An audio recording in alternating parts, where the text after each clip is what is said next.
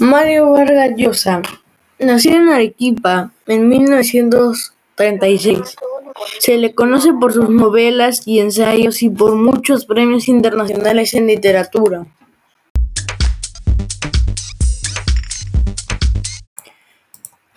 Sus inicios literarios coincidieron con el gran boom latinoamericano y forma parte de una generación de escritores tan conocidos como Gabriel García Márquez, Julio Cortázar o Carlos Fuentes.